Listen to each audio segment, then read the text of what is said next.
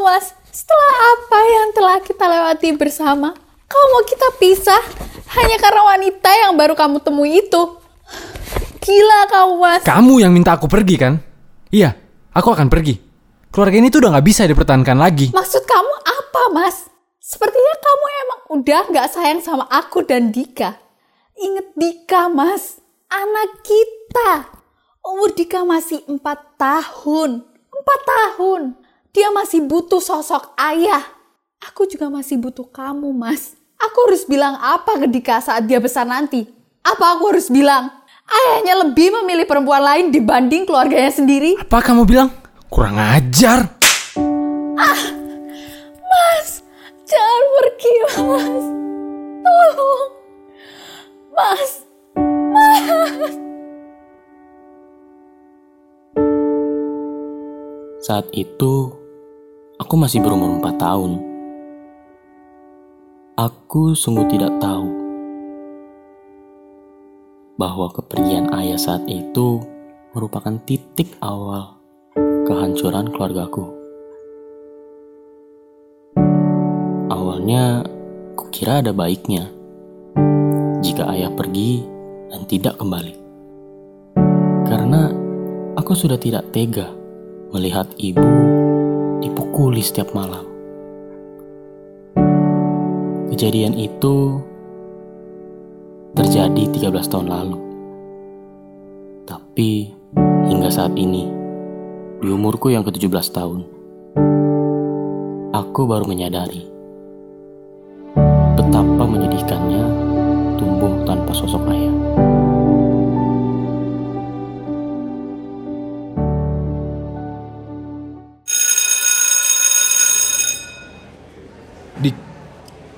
Dika. Oi Dika. Bengong mikirin apaan sih lu? Ah, kenapa kenapa? Eh, gak apa-apa kok, Di. Gak apa-apa. Hmm, gue tahu nih. Lo pasti kepikiran itu lagi ya? Aduh, udahlah Dik. Biarin aja. Biarin masa lalu jadi masa bodoh. Karena masih ada masa depan yang harus diraih. Gimana? Keren gak gue? Beuh, emang Aldi doang dah yang paling keren kalau nasihatin orang. Ada, bisa aja lu. Eh Dik, ngomong-ngomong, besok kan pengumuman kelulusan bareng nih. Lu bakal dateng gak? Belum tahu nih, Di. Yaudah, kalau gitu besok gue juga nggak dateng. Biar ortu gue aja yang ke sekolah. Loh, kenapa, Di?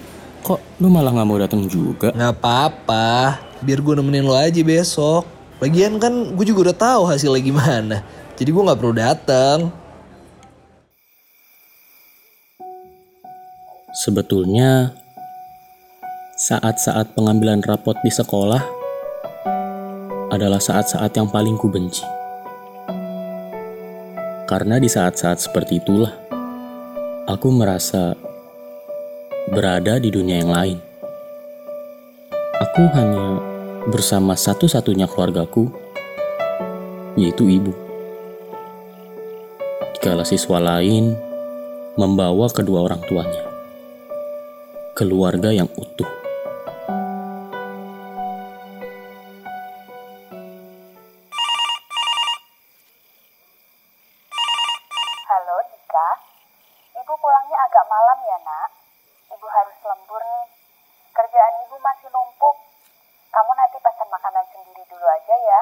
Oke bu, nanti Dika makan sendiri. Ibu juga jangan lupa istirahat ya. Ya, ya sudah. Ibu kerja dulu ya nak.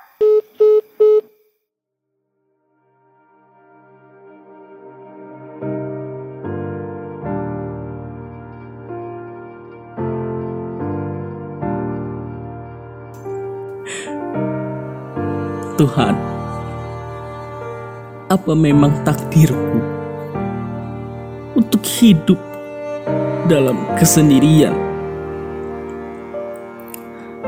Atau memang aku yang kau berikan cobaan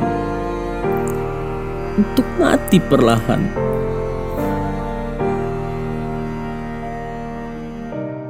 Aku merasa jika saat itu Tuhan tidak adil.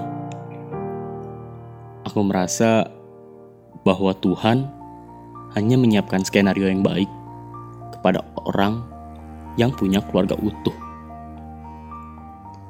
Waktu itu, aku bertengkar hebat dengan pikiranku mengenai ketidakadilan yang kuterima. Aku juga tak suka dengan takdir kehilangan sosok ayah yang terus menghantuiku. Ayah, ayah.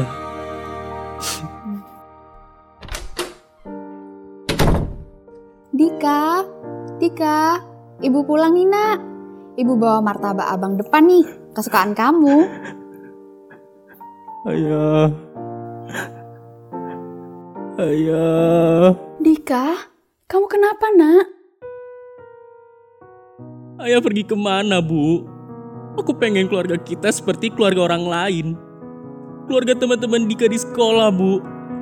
Mereka punya orang tua yang lengkap, Bu. Dika, ayah pergi bukan karena dia nggak sayang sama kamu. Ibu juga yakin, ayah kamu sayang banget sama kamu. Dia pasti senang kalau lihat kamu bahagia. Tapi kenapa, Bu? Kenapa? Kenapa ayah pergi, Bu? Aku pengen ketemu ayah, Bu. Dika, maafin ayah kamu ya nak. Ayah.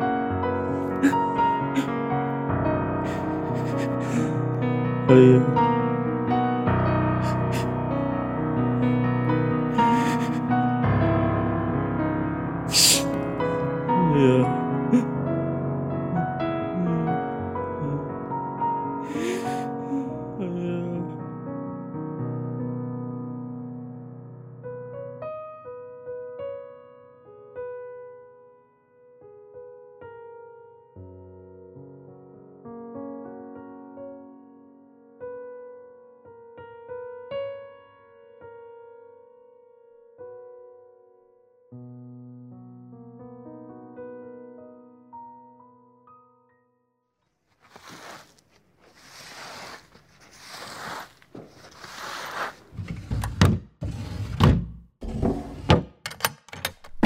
Astaga, ceroboh banget sih aku sampai jatuh barang-barang ibu. Kalau ibu tahu, bisa marah nih.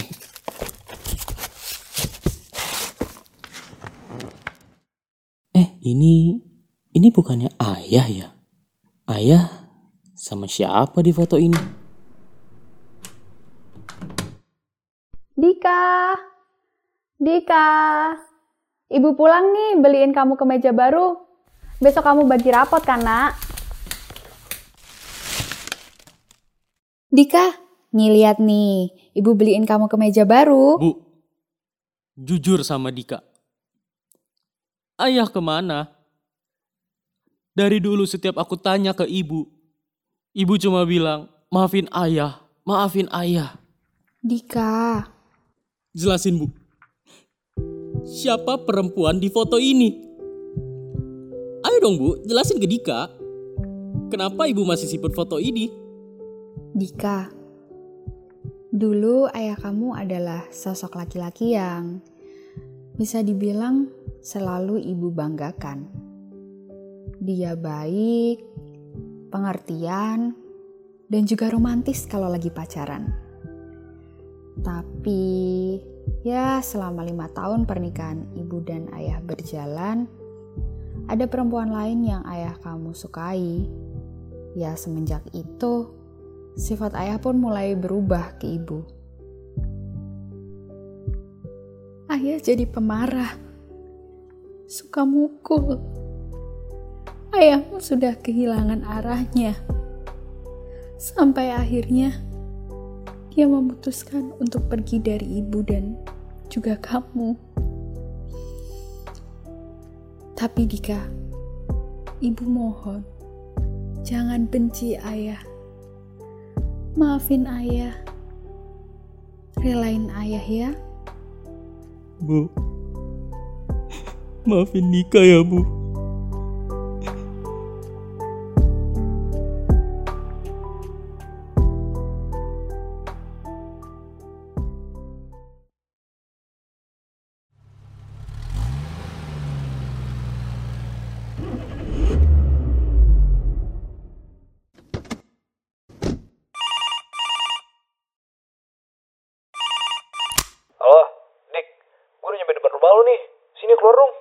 Oke di, bentar ya. Gue ke depan nih. Wah, rapi banget, Dik. Pakai kemeja baru ya lo? Mau ke mana sih? Ke sekolah di. Hah? Seriusan? Gue gak salah denger. Lo mau dateng ke acara pengumuman kelulusan bareng. Iya di. Kali ini gue nggak akan menghindar lagi. Gue harus bisa menghadapi rasa takut gue ini. Ya biar terbiasa aja gitu. Buset. Bangga banget gue sama lu, Dik. Kata-kata mutiara lu ya. Bikin gue pingin nangis tau gak? Asli. Ntar gue pinjem ya kata-katanya. Buat gue upload di Instagram. Eh, Aldi, udah lama. Enggak kok tante, belum lama. Baru juga nyampe tadi. Ya udah, yuk kita berangkat ke sekolah.